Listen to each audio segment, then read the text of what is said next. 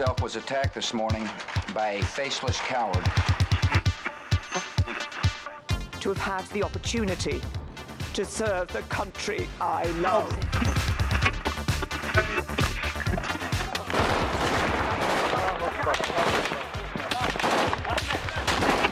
Den Einsatz für Frieden und Freiheit in Deutschland, in Europa und in der Welt. We will southern border. I beg you, please do not fail on this.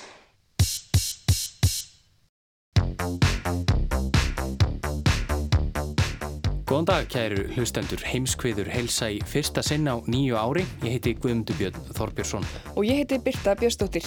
Í heimskviðum er fjallað um það sem gerist ekki á Íslandi.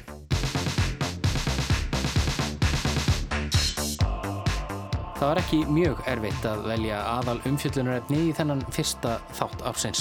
Nei, aðgerðir stjórnvalda í Bandaríkjónum og Íran hafa fyllt ófáa fréttatíma síðustu daga og vikur. Við fjöllum nánar um þetta hér rétt á eftir, en í þættinum í dag ætlum við líka að líta til Norður Írlands.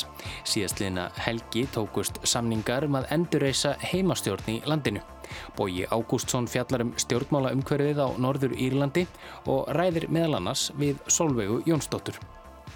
En við byrjum á málinu sem tröllreið öllum fréttamiðlum í upphafi árs.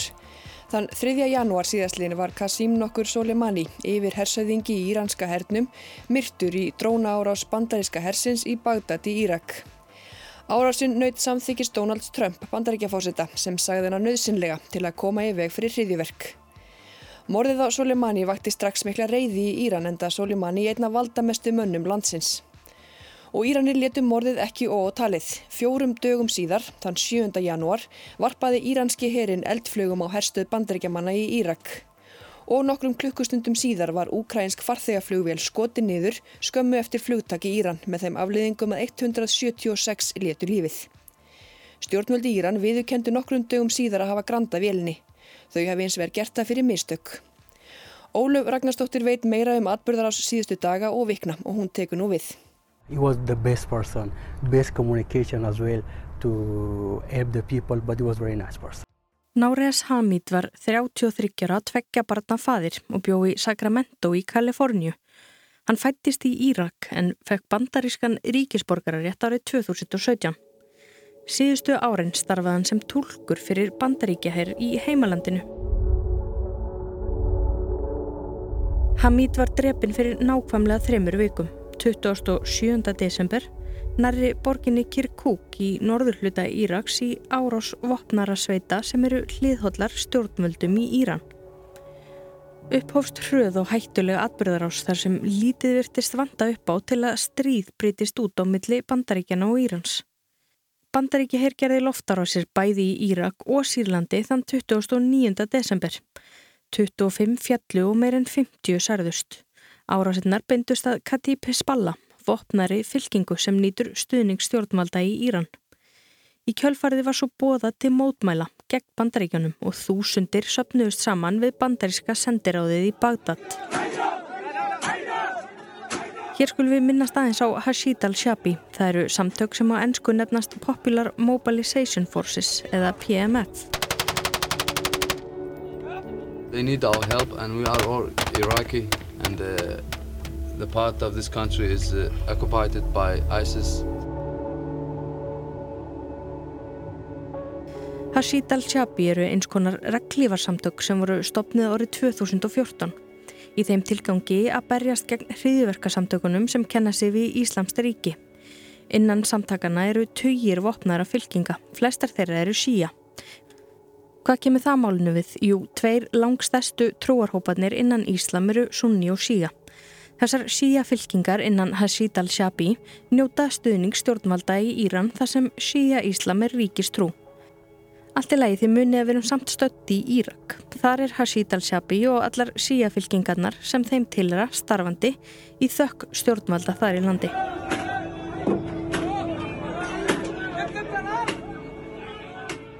Förum nú aftur að bandaríska sendiráðun í Bagdad þar sem þúsundir mættu til að mótmæla loftárásum bandaríkjamanna. Sum hver heldu á lofti fána Hashid al-Shabi. Aðrir brendu bandaríska fánan eða köstuðu grjóti. Öryggisverðir reynda að halda mannfjöldanum í skefjum með táragassi og högsprengjum en fólkið komst einhver síður inn fyrir ytri varnir sendiráðsins. En sendiráðið er staðsett á hinnu svo kallaða græna svæði í Bagdad. Um 10 ferkilometra svæði sem er skilgrend sem alþjóðlegt svæði þar sem áður var fórsetahöll Saddams Hussein og fjölskyldu.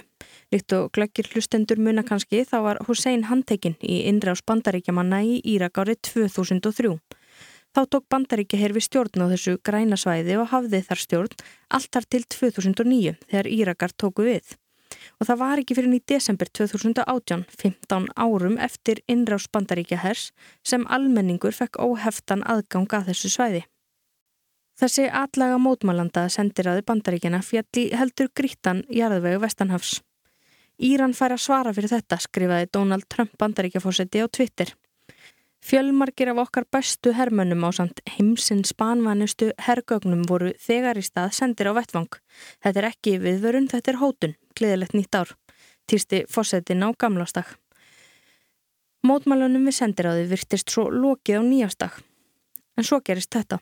Bandaríkjaman eiga hvergi í heiminum eftir að finna frið, sagði trúarleitugi í Íran í dag í kjölfar þess að Qasem Soleimani, næstvaldamesti maður Írans, var drepin í sprengju árós. Það kannast líklega umtalsvert fleiri við nafn Qasem Soleimani nú en það gerði á meðan hann var á lífi. Hann stýrði Quds-hersveitinni sem er sérsveitinnan byltingavarðaliðsins í Íran. Quds er nafn borgarinnar Helgu Jérúsalem sem er í Palestínu og eða Ísrael það fyrir eftir hvernig spyrð en það er önnur og lengri saga. Nafnið vísar sem sagt til Jérúsalem en það var sveitin stopnuð með það markmið að frelsa svæði eins og þessa fornu merku borg. Helstu verkefni sveitarinnar eru í öðrum löndum og miða því að auka áhrif Írans á svæðinu. And at the heart of that campaign, in the shadows, has been one man. General Qasem Soleimani, head of the Quds Force, the covert external wing of Iran's Revolutionary Guards. Við stjórnvölinn var Qasem Soleimani sem er talinn annar áhrifamestu maður Írans og eftir erkiklerknum Ali Khamenei sem öllu ræður í landinu. Soleimani var líka trúnaðarvinur erkiklerksins, hundruð þúsunda Írana fyldu hersauðingjanum til gravar og innan Írans litu sumir á aftöku Soleimani sem persónlega árás á leituan. Khamenei hétt strax hemdum.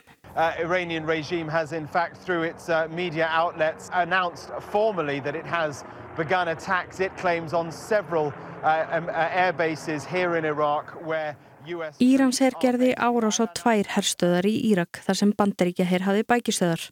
Fyrstu fregnir af árásunum voru þess eðlis að margir óttuðust framhaldið. En það hafði Donald Trump látið að skýrt í ljós að hann væri tilbúin að beita stærsta og besta hér heims eins og hann orðaði það ef Íranar mynda á einhvern háttur aðast á bandaríkin. Óljós tíðandi af bandarískum herrflugulum að taka á loft frá saminu arabísku fyrstadæmanum og loftvarnar kerfi Írans á hæsta viðbúnaðstíði, nokkuð sem hafði afdreifaríkar afleðingar. Engin komst lífs af þegar úkrænsk farþegaþóta með 176 manns um borð fórst í Írans nema í morgun. En hefur ekkert verið staðfest um orsaki slissins. Þetta gerðist snemma morguns 8. janúar. Aðeins um 5 klukkustundum eftir árás Írana og herstöðarnar í Írak. Í upphafi var óljóst hvað ollið því að þótan hrapaði. Í ljósi aðstana voru strax uppi getgáturum að hún hefði verið skotin niður.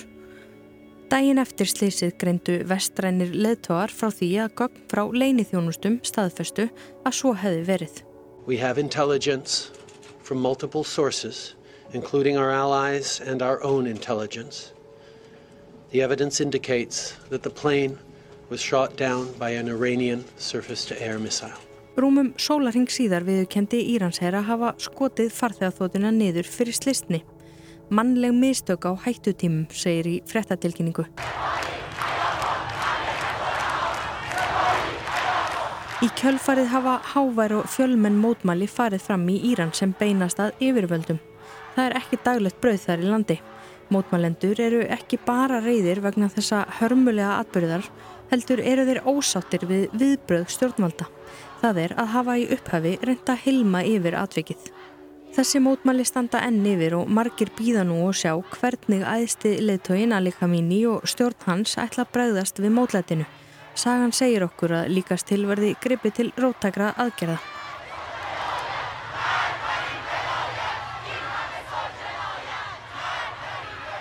Nú síðast í nóvember barust fregnir af því að allt frá 300 og upp í 1500 manns hafi verið drepin í aðgerðum öryggisveita þegar mótmæli brutust út vegna ákvarðunar stjórnvalda um að hækka bensínverðum 50%. Þá er enn heldur óljóst hvað verður um kjarnorkusamningin frá 2015 milli Írans og Stórveldana. Trump hafi reyndar dreyði bandaríkin úr þessum samningi 2018 en Kína, Rúsland, Breitland, Þískaland og Frakland vildu halda áfram á sömu braut. Þar til í fyrradag. Þá ákvaðu Evrópuríkin þrjú að virkja svo kallað deilu ákvaði í samningnum eftir að Írönsk stjórnvöld tilkynntu að þau ætla ekki lengur að hlýta takmörkunum sem þeim eru sett sangvand samningnum. Það er því enn margt óljóst og atbyrðar á síðustu vikna hefur verið afar hröð og köplum hættuleg. En til þess að átt okkur betur á því sem er að gerast í dag þurfum við að líta miklu lengra tilbaka og það gerði Guðmundur Björn.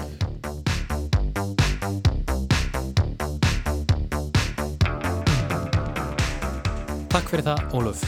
Já, samband bandaríkjana og Írans. Það er kannski ekki íkja langt aftur en það hefur verið stormasamt í meira lagi. Það er kannski erfitt að hugsa sér tvö ólíkari lönd en bandaríkin og Íran. Í vestri stendur þetta flagskip neysluhyggjunar og kapitalismans yfir 300 miljón manna þjóð því að ólík einbyrðis og hún er fjölmenn. Óteljandi trúarbröð, kynþættir, skoðanir, allt þetta heimsálfa út af fyrir sig, jafnvel heimur. Í austri stendur svo Íran, gamla Persia með sínar 82 miljónir. Í norðvestur af Íran likur Armenia og Azerbaijan, Turkmenistan í norðaustri, Afganistan og Pakistan í austri og Tyrkland og Írak í vestri, mörg þúsund ára menningarþjóð. Og ég veit ekki hvort þú vissir það, kæri hlustandi, en í Íran er ekkert bandarist sendiráð og í bandaríkunum er ekkert íranst sendiráð.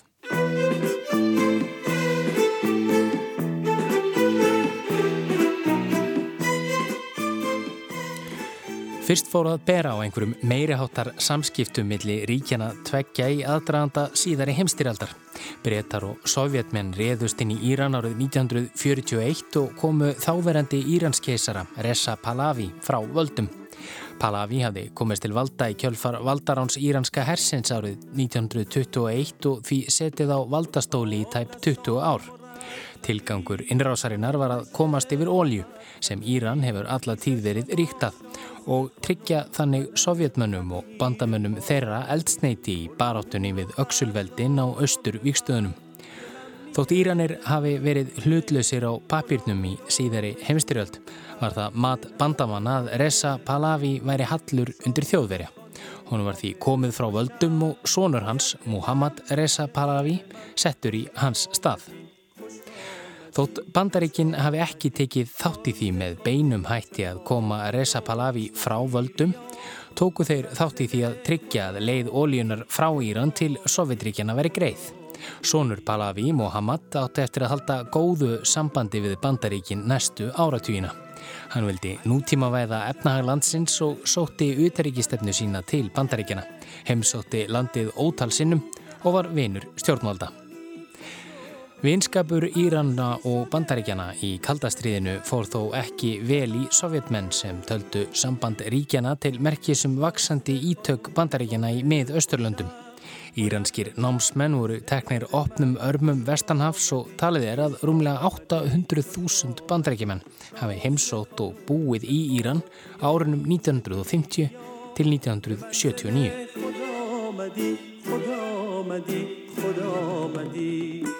Bandaríkin voru því komin með annan fótinn inn í Íran.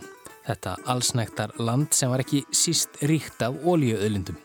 Það átt eftir að sína sig svart á kvítu þegar líðræðislega kjörinni ríkistjóðn Muhammeds Mossadegh, fósettis er á þeirra, var komið frá völdum árið 1953 í aðgerð sem bandaríska leinithjónustan í samvinnu við þá bresku hrindi í framkvæmt. Hafa byrju huga að þótt keisari landsins Muhammad Reza Pahlavi hafi verið hallur undir bandaríkinn var ekki þar með sagt að ríkistjótt landsins fylgdi sömu línu. Mossadegh fósettis ráþæra var mikill þjóðverðninsinni og hafi tekist um tíma að þjóðnýta íranska ólíðinaðin sem hafi þá verið utir stjórn breyta frá árinu 1913.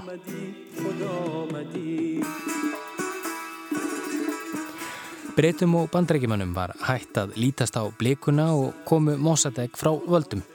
Hann settur í fangelsi og þínast stofufangelsi þar sem hann var allt til dauðadags árið 1967. Sem sagt, ólíjan var áfram í höndum breyta og þjóðverðnist tilburðir stjórnmálamanna skildu ekki vera liðnir. Í kjölfar aðgerðarinnar dældu bandarísk stjórnvöld peningum til Íran undir formörkjum neyðaraðstóðar eða einum miljardi bandaríkjadólara næstu áratugin eða svo. Allt fram til ársins 1979 var Íran því að nánasti bandanaður bandaríkjana.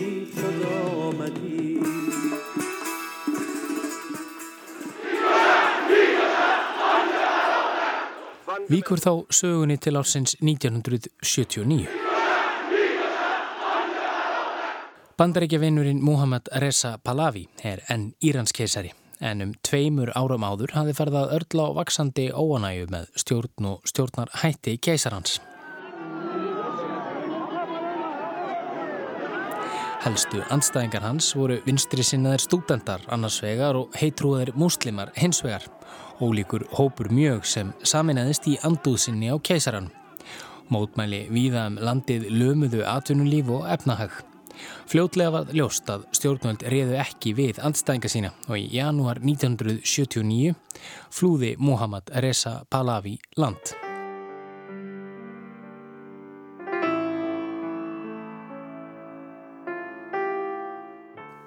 Ríkistjórn landsins beigð ekki bóðana og bauð Ruala Khomeini, betur þekktur sem Ayatollah eða æðstiklerkur, að snúa tilbaka úr útlegð.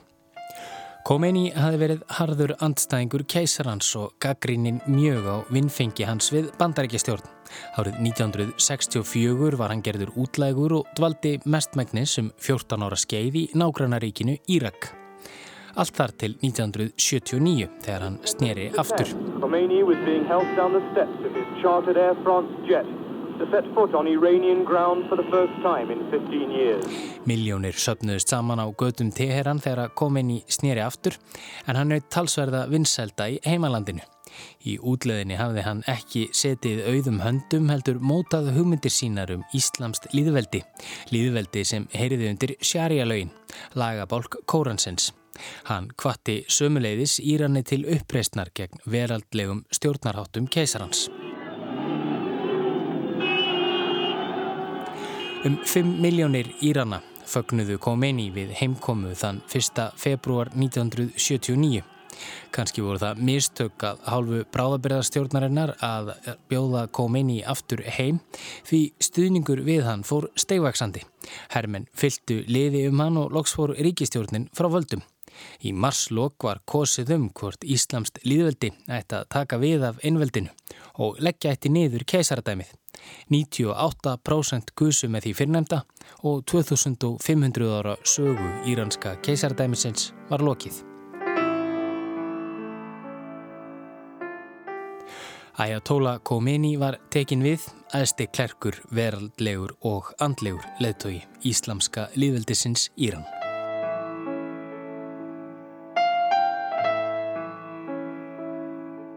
Bandaríkjastjórn hafði fylst með írönsku byltingunni úr fjarlægð, brúna, þung og áhyggju full. Þeirra maður, Muhammad Reza Pahlavi, hafði rökklast frá og við af honum tekin íslamskur leðtogi og mikill þjóðurnisinni. Í kjölfarið buðu bandarísk stjórnvöld Pahlavi að gangast undir læknismeðferði í bandaríkjunum. Þegar klerkastjórnin í Íran komst á snóður um það, krafðist hún þess að hann erði framseldur til Íran þar sem er rétt að erði yfir honum. Bandaríkin neituðu og gremja Írana í garð bandaríkjana jógst. Some 60 Americans, including our fellow citizen whom you just saw bound and blindfolded, are now beginning their sixth day of captivity inside the U.S. Embassy in Tehran. Í november, byltingar árið 1979 átti sér stað atbyrður sem átti eftir að hafa langvarandi áhrif á samskipti í ríkjana. Þegar hópur íranskra háskólanema reyðist inn í bandaríska sendiráði í Teheran og tók 52 bandaríska ríkisporkara og diplomata í gíslingu. Gíslatakan stóð yfir í 444 daga eða allt til 20. janúar árið 1981. Jimmy Carter, þáverandi bandarækjafósiti, sagði gíslatökuna hriðiverk en Íranir sá hana sem sangjöld viðbröð við íhlutunarstöfnu bandaríkjana í landinu og þeim hlífi skildi sem stjórnvöldar heldu yfir fyrrum keisara Íran. Í kjölfarið fristu bandaríkin egnir Írana í bandaríkunum fyrir að andverði 12 miljardar bandaríkjadólara. Í upphafi nýjunda áratugurins braust síðan út stríð milli Írans og nágrannaríkisins Íraks og voru Íranir því knúnir til þess að ná samningum við bandaríkinum að sleppa gíslunum. Þar sem viðskipta þvinganir bandaríkjana hafðu slægjum áhrif á efnahag Írans sem var slæmur fyrir og stríðsregstur erjú dýr. Samningar náðust milli ríkjana í janúar 1981 og gíslunum var sleft. Carter bandaríkjafósetti hafði þá klift á allt stjórnmálasamband við Íran í kjölfar gíslatökunar. Samband ríkjana hafði skattast verulega og sambandið átti aðeins eftir að versna á næstu árum. Stríð Írana við Írak hjælt áfram næstu ár og átti bandaríkjastjórn í góðu sambandi við ríkistjórn Saddams Husseins í Írak.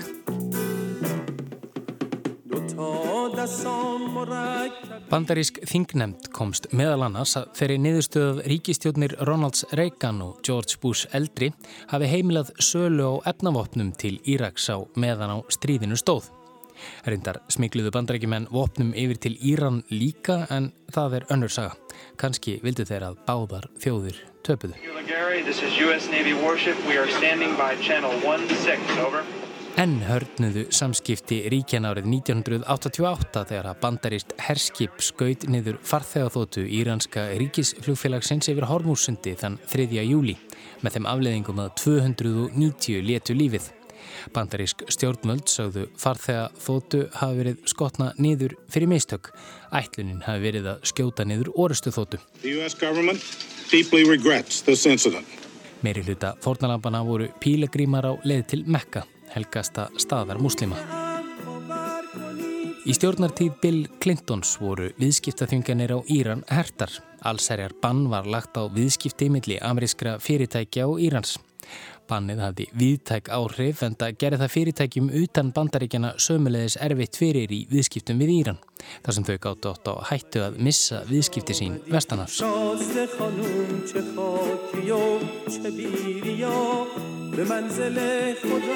Í kjölfar hriðverk árásanna á týpuraturðana í New York þann 11. september 2001 átti samband ríkjana eftir að versna en frekar jafnvel þótt Íranir hafi ekkert haft með árásinnar að gera. George Bush yngri, þáverandi bandarækjafórseti, gerði nefnilega Íran að umtalsefni sínu í frægri ræðu fjórum mánuðum síðar á bandarækjaþingi. States like these and their terrorist allies constitute an axis of evil arming to threaten the peace of the world. Það eru öksul veldi hins ítla sem ógna friði í heiminum, sagði Bush og átti þar við löndin Norðurkóru, Írak og Íran og vísaði þar til þess að þessi lönd byggju yfir langdregum eldflögum. Umali fósettans vöktu Nexlan og reyði í Íran. Síðustu árin hafa samskipti Írana og Bandaríkjana einkennst af einu máli fremur en öðrum, kjartnorku vopnum. Allt frá árinu 2003 hafa bandaríkin haldið því fram að Íranir sé að þróa kjarnamopn en írönsk stjórnmöld svarað á móti að augun þeirra á úrani sé engungu ætlið til þess að framleiða rafmagn. Til að gera langasögu stutta náðust loks samningar milli bandaríkjana, Bretlands, Rústlands, Fraklands, Kína og Þískalands við Íran um að landið drægi úr augun úrans árið 2015. Kjarnorku samningurinn eins og hann er gerðnan kallaður hvað á um að eftirlitsmenn frá saminuð þjóðunum erði hliftin í landið til að fylgjast með hvort Íranir emdu lofart sitt. Í staðinn var viðskipta þvingunum á Íran aflétt. Íranir skildu hæja á kjarnorku áallunni, draga úr augun úrans og umfram allt heita því að framleiða ekki kjarnorku sprengjur. Samningurinn sem var gerður í stjórnartíð Barack Obama í kvítahúsinu þótti marga tímamót en það höfðu samningaviðræður staði yfir í mörg ár. Það þótti því skjóta skökku við þegar þetta gerist. I am announcing today that the United States will withdraw from the Iran nuclear deal. Donald Trump, núverandi bandaríkjafósetti, dró bandaríkin út úr samkómulæginu í mæ 2018 og kom viðskipta þvingunum aftur á laginnar. Hann hótaði að beita önnur lönd viðskipta þvingunum sömuleiðis sem áfram heldu að kaupa ólju af Íran. Í kjölfarið hrundi efnahagur Írana, samskipti ríkjana versnuðu en frekar síðasta vor þegar bandaríkin hertu enn viðskiptað þvinganir og Íranir hafa gefið í í kjarnorku áallun sinni á móti. Nú síðast í þessari viku sagði Hassan Rouhani, fósetti landsins að Írunum væru engin takmörk sett og gætu nú auðgað eins mikið úran og þeir vildu. Og svo auðvitað morðið á Qasem Soleimani. Hvar stöndum við nú?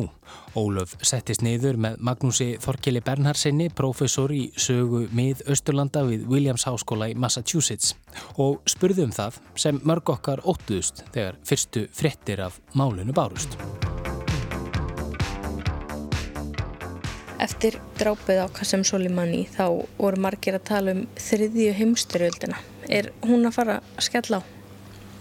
Það voni ég sannlega ekki en það er margt sem bendir til þess að það eru mörg óviður skí á lofti og það er þá bara spurning sko að hversu miklu leiti er hægt að koma vekk fyrir ákveðin átbyrjar ás fyrir gang eða, eð, eða er þetta orðið komið að það stiga að það sé erfitt að stjórna átbyrjar ásinni og þetta hefur alls svona enginni þess að þetta gæti brotist út í meira aftardeilu en sem betur fyrir eru til dæla margir voldýr aðilar sem eru, ég er kannski ekki beina hlutamáli, sem eru reyna að koma vekk fyrir að þetta fer út fyrir þetta ákveðis landsvæði, til dæmis kín, kínverjar og rússar, til dæmis og tyrkir og kannski stórveldin í Evrópu til dæmis Þískaland, Frakland og Breitland hafa ekki mikinn áhuga því að þetta fer út eitthvað, eitthvað víðar eða, eða, eða að aflenga vera eitthvað meiri heldur en reyn hefur orðið. Mm -hmm. Þú nefndir á þann að persaflóðstækiðið 91 og innrásin í Írak 2003 hafi bæði verið svona frekar fyrirsjánleg en staðan sé allt öðruvísi núna. Að, að hvað leiti? Það sem kannski gerir stöðuna núna er verið heldur en kannski svona á, þegar svipið átöka brotist út er að þá hafa svona venjulega svona hefbundin stopnanir og herir og aðgerð farið í gang og þá hefur fólk verið að beita hefbundnum aðferðum til þess að ná fram sínum hagsmunum. Núna veitum við ekki alveg hverjir eru personunar í þessu, hverjir eru leikendur og hvaða, hversu langt eru til reyðbúnd til þess að fara. Það er ekki beint svona yfirlýst stefna og, og og það er ekki beint svona yfirlítið hagsmunni sem er í húfi sem er mjög augljósir. Það er svo margt sem er að gerast á bakvið tjöldinu, svo mikil upplýsingastríð. Ég held áður fyrr, fyrir svona 20-30 árum síðan, þá var þá stjórnu stjórnvöld fjölmjölum vel og gátti þar að leiðindi stjórna orðræðinu svolítið.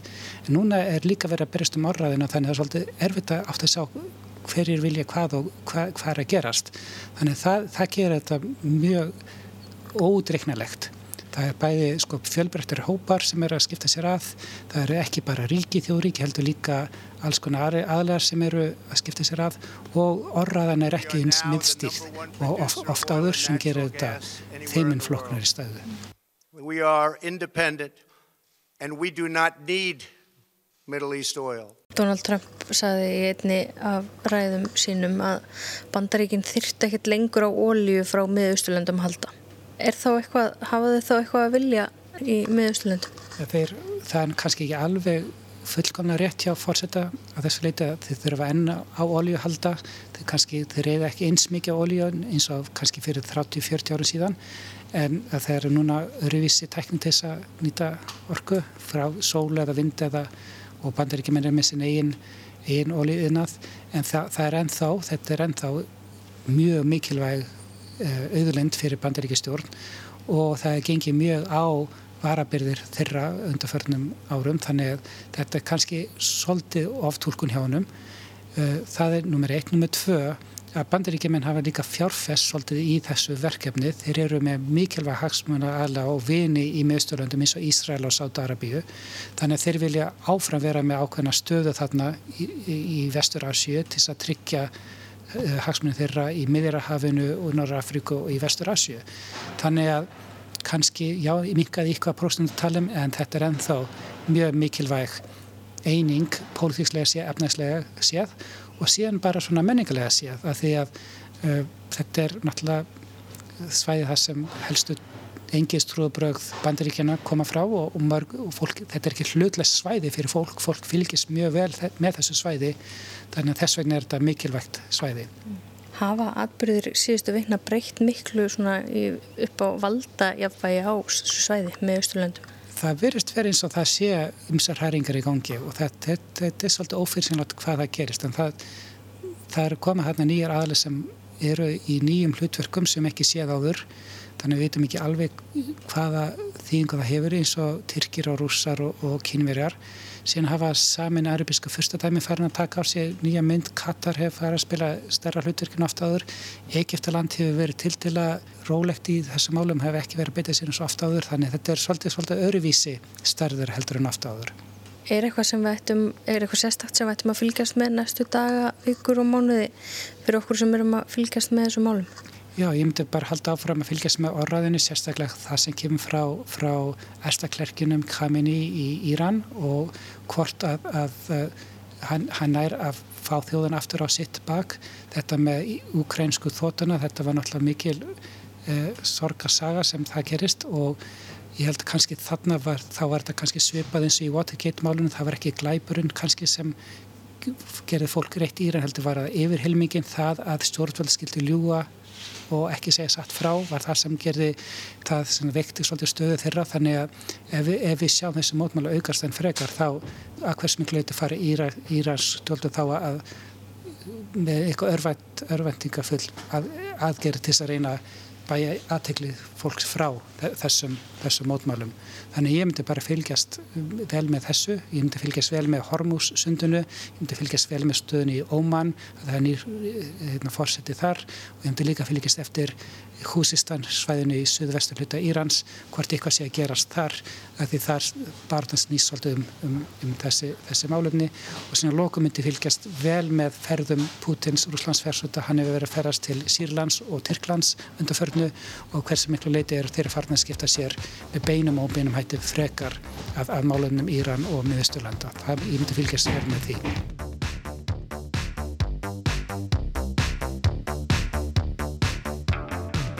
Já, við ætlum að fylgjast með Putin og ætlum að fjalla um hann og væringar í rúsneskum stjórnmálum í næsta þætti af heimskuðum. En fyrst skulum við klára þannan hér. Um helgina tókust samningar um að endurreysa heimastjórna á Norður Írlandi. Þá voru liðin þrjú ár frá því að Sinn Fein, flokkur liðveldi sinna sem nýtur stuðnins flestra katholika á Norður Írlandi, sleit samstarfi við stærsta flokk samband sinna, Democratic Unionist Party. Bói Ágússon tekur nú við.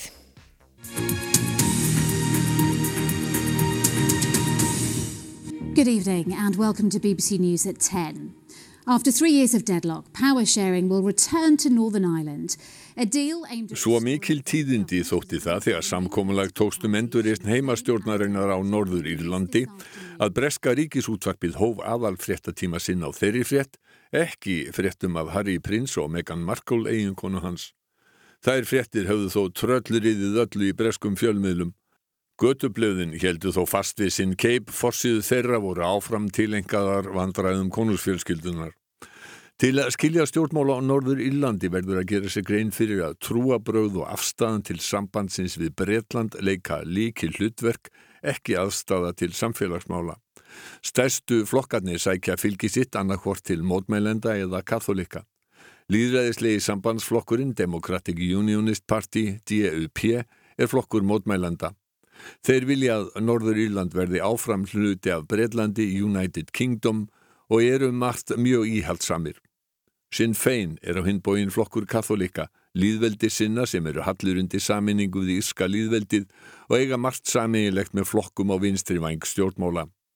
Solveig Jónsdóttir, stjórnmálafræðingur og reytumundur þekkir vel til á Norður Írlandi. Já, þeir eru náttúrulega afskaplega ólíkir. Þeir eru alveg á sikkurum endanum.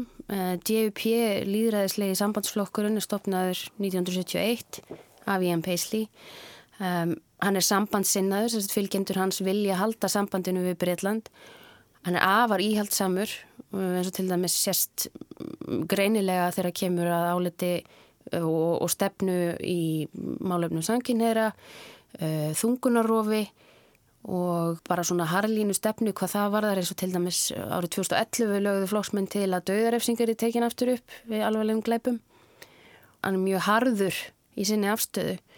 Sinn Fein er, er vinstri sinnaður, hann er uh, þriði stærsti flokkurinn á Írlandi líka.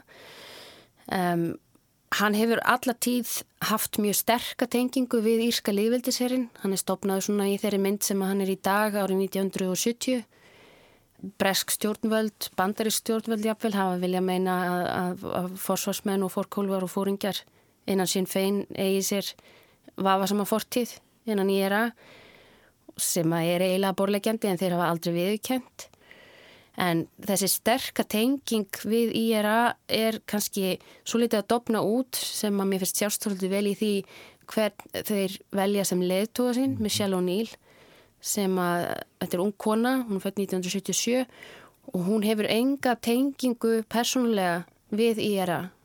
Ítrekkaða tilraunir síðastlinn þrjú ár til að koma aftur á heimastjórn á Norður Írlandi og endur eisa þingið í Stormont næri Belfast höfðu farið út um þúur. Mikið bara í milli og líkt bara á samstarfsvilja stærstu flokka landslutars. Ummæli Arlín Foster, harsnúins leðtú að DUP er hún líkti sinn fein við krokodíla voru takkræn. If you feed a crocodile, they're going to keep coming back and looking for more. Írland var um margar aldar skeið hluti stóra Breitlands og þegar landi fekk sjálfstæð eftir blóðu átök á þriði áratug síðustu aldar voru stopnuð tvö ríki. Íska fríríki svo kallaða sem nú er Íska líðveldið með höfuborgina Diblini og Norður Írland þar sem Belfast er höfuborgin. Ástæða skiptingar Írlands var að mótmælendur á Norður Írlandi gátti alls ekki sætt sig við að vera íbúar í ríki þar sem að meiri hlutin var kattóskar trúar, fólk sem mótmælendur og bresk stjórnvöld höfðu lengt og ljóst kúaðum aldir. Á Norður Írlandi voru mótmælendur í meiri hluta og höfðu töklinu haldirnar í öllu stjórnkerfinu. Katholikar á Norður Írlandi máttu áfram sætta sig við að vera annars flokks borgarar. Vaksandi spenna á milli hópan á Norður Írlandi breyst út í blóðugum átökum 1969 sem urðu til þess að stjórnin í Lundunum sendi herin til að stilla til fríðar. Katholikar fagnuðu breska hernum, nú fengi þeir vernd fyrir yfirgangi og ofbeldi mótmælanda. En Adam var ekki lengi í paradís. Herin var á Norður Írlandi til að styðja yfirvöld og lögröglu þar sem mótmælendur réðu áfram öllu. Herin fyrirgerði endanlega öllu trösti katholika 30. januar 1972.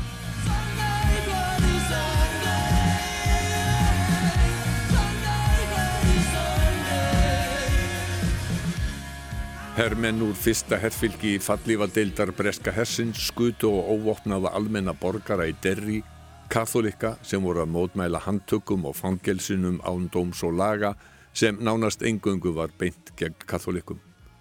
26 urðu fyrir kúlum Hersins 14 letu lífið, sumir skotnir í bakið, aðrir er þeir voru að reyna að hjálpa særðum. Áratugum saman heldu breskifuvöld því fram að ekki væri við herin að sakast, hermenn hefði ekkert gert af sér heldur skotið í sjálfsvörð.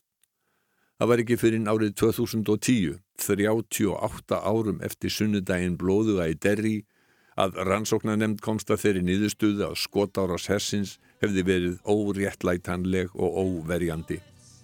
Kanski var ekki að ófyrir sinju að John Lennon söngum þjóðarmorð. Why the hell are the English there anyway? As they kill with God on their side. Blame it all on the kids and the IRA As the bastards commit genocide. I, Genocide. Okay You should the Írska líðeldis hernum IRA ógs mjög ásmegin á 8. áratögnum og liðsmenn hófu skott og sprengju árásir á Norður Írlandi og Englandi sem urðu næri 2000 manns að bana á næstu áratugum.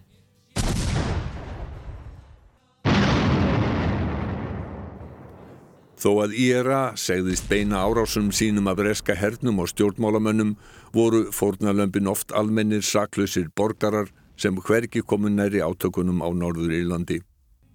Allmörg börn letu lífið í árásum í IRA eins og í springjutilræði í Warrington á Englandi 1993 þar sem tveir drengir, þryggja og tólf ára byðu bana. Svo árás varð ísku hljómsveitinni The Cranberries að yrkisefni.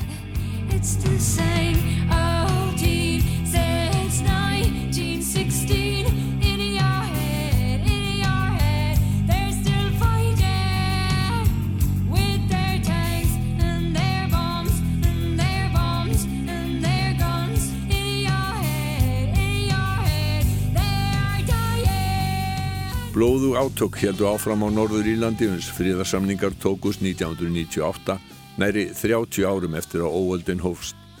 Þá lág halvt fjórða þúsund í valnum og 50.000 höfðu sæst. Fríðarsamkomulegið er jafnan kent við förstu daginn langa, Good Friday Agreement. Stjórn skipan heimastjórnan Norður Íland sem komið var á með friðarsamningunum gerir ráð fyrir samstjórn stærstu flokkana og að leitói stærsta flokks mótmælanda fái ennbætti í fyrsta ráðþeira eða fósættisráðþeira en katholikar staðgengil hans. Leitóa DUP og Sinn Fein, erki í fjendurnir séra Ian Paisley og Martin McGuinness settust saman í stjórn. Paisley var fyrstir ráðþeira og McGuinness staðgengil hans.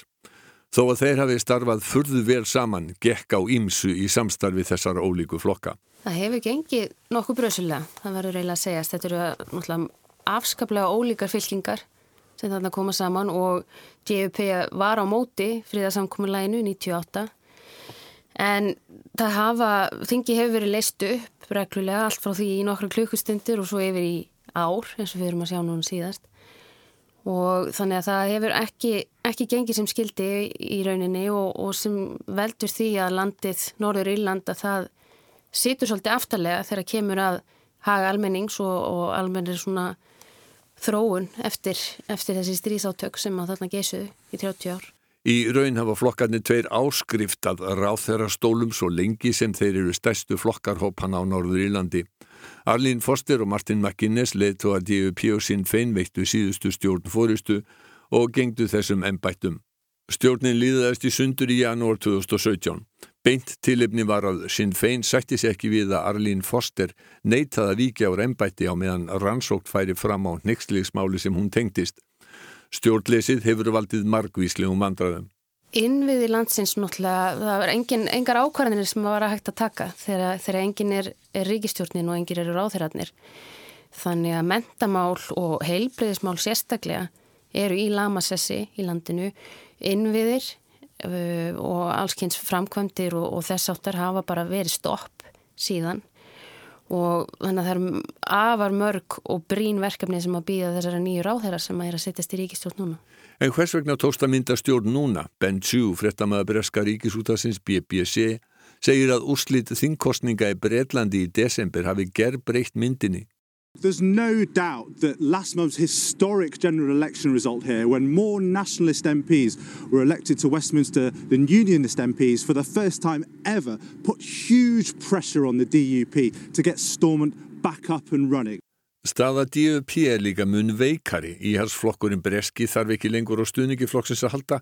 DUP hefur ekki lengur hreðja taka á stjórninni í Lundunum. Claire Hanna, þingmaður SDLP, Sósialdemokratíska verkamannaflokksins, sem eru hófsami líðveldi sinnar, segir að samkominnlagi núna hefði tekist vegna þess að staða begja stærstu flokkana hefði vikst. There's nothing in that deal that couldn't have been done three years ago. The only material change is that the two larger parties got a bad election. Myndarleg framlög úr ríkisjóði breyta höfðu líka sitt að segja. Það er nú svona að tala um það að það hjálpi mikið til þessi óskilgreinda háa summa sem að bresk stjórnvöld ætlar átt að renna til mála og á Norður Írlandi og reyndar ísk stjórnvöld líka. Þau koma þarna að málum við að reyna að fá uh, fólk til að starfa aftur saman í Stórmond. Uh, það voru tvö stór mál sem, a, sem á endanum fylgtu mælinn í kjölfarið á þessum nexli sem að verði til þess að stjórnin springur 2017. Um, það er, er tungumála frumvarpið sem að snýra að hérna því að írska tungan verði jafn rétt á og, og svo enska í landinu og svo uh, ákveðin tillaga um það að það uh, megi ekki setja lög sem að koma til með að setja annan hóp ofar hinnum og það sé þá ákveðin hópur þingmanna sem að geti stöðvað þessi lög. Flokkarnir verðast að náð einhvers konar samkómulegi hvað þetta var þar og ég vil meina að Brexit líka íti fólki í þessa átt að það, þeir vilja hafa eitthvað um sína framtíð að segja. Arlín Foster sem nú er orðin fyrsti ráþur er bjart sína á samstarfi gangi því sama segir Mary Lou MacDonald sem er leiðtói Sinn Fein á Írlandi öllu. I believe that power sharing can work. That requires everyone to step up. Sinn Féin's commitment is to do all in our power to make this happen. En það er ekki bara DUP og Sinn Fein sem skipar á þeirra ennbættin í Stormont. Það eru allir fimm flokkarnir á Norrlílandi sem eiga sæti á þinginu. Þessi tveir stærstu að sjálfsögðu deila völdunum en, en það eru ráðherrastólar sem að fara yfir til hinna líka. Þannig að núna held ég að staðan sé bara orðin þannig að, að fólk verður einfallega að setjast niður og vinna saman. Nýja stjórnin þarf meðal annars að leysa verkfall hjógrunafræðinga sem hefur valdið miklum vandræðum í helbriðiskerfinu. Hún þarf ógað gera viðtækar umbætur í helbriðis og félagsmálum, mentamálum uppbyggingu innviða, ekki síst í vegakerfinu og svo þykir nöðsynlegt að fjölga í lörgluliðinu svo fátt eitt sér nefnt. En hverjar eru vonur um að það gróðum heilt að samfélagið á Norður Írlandi verði ein þjóð, ekki tvær andstæðar fylkingar? Það er svolítið erfitt að því að þetta liggur ekki bara ára tugi aftur í tíman heldur, það er hægt að tellja þetta í öldum og það sem að helst hefur verið bent á og ég held að sé eina leiðin í rauninni í áttina því að það verði þarna einhvers konar ein þjóð eða, eða svona sættir á milli þessar tveggja hópa er að smá saman verði tek, teknar út þessar skiptingar í daglegu lífi fólks að það verði hægt að vera með skóla fyrir mótmælenda börn og katholika börn og, og þetta verði svolítið að síast út í gegnum kynnslóðnar vegna þess að það að vinna saman að hagfólks er eitthvað sem verður í rauninni að, að vera burt séð frá þessum deilum þessum sem að það stóðar ekkit mjög mikið að vera að horfa 40 ár, 50 ár en þá lengra aftur í tíman þegar vandamálinn sem að blasa við fólki í hverstasleikanum eru mjög brín og aðkallandi.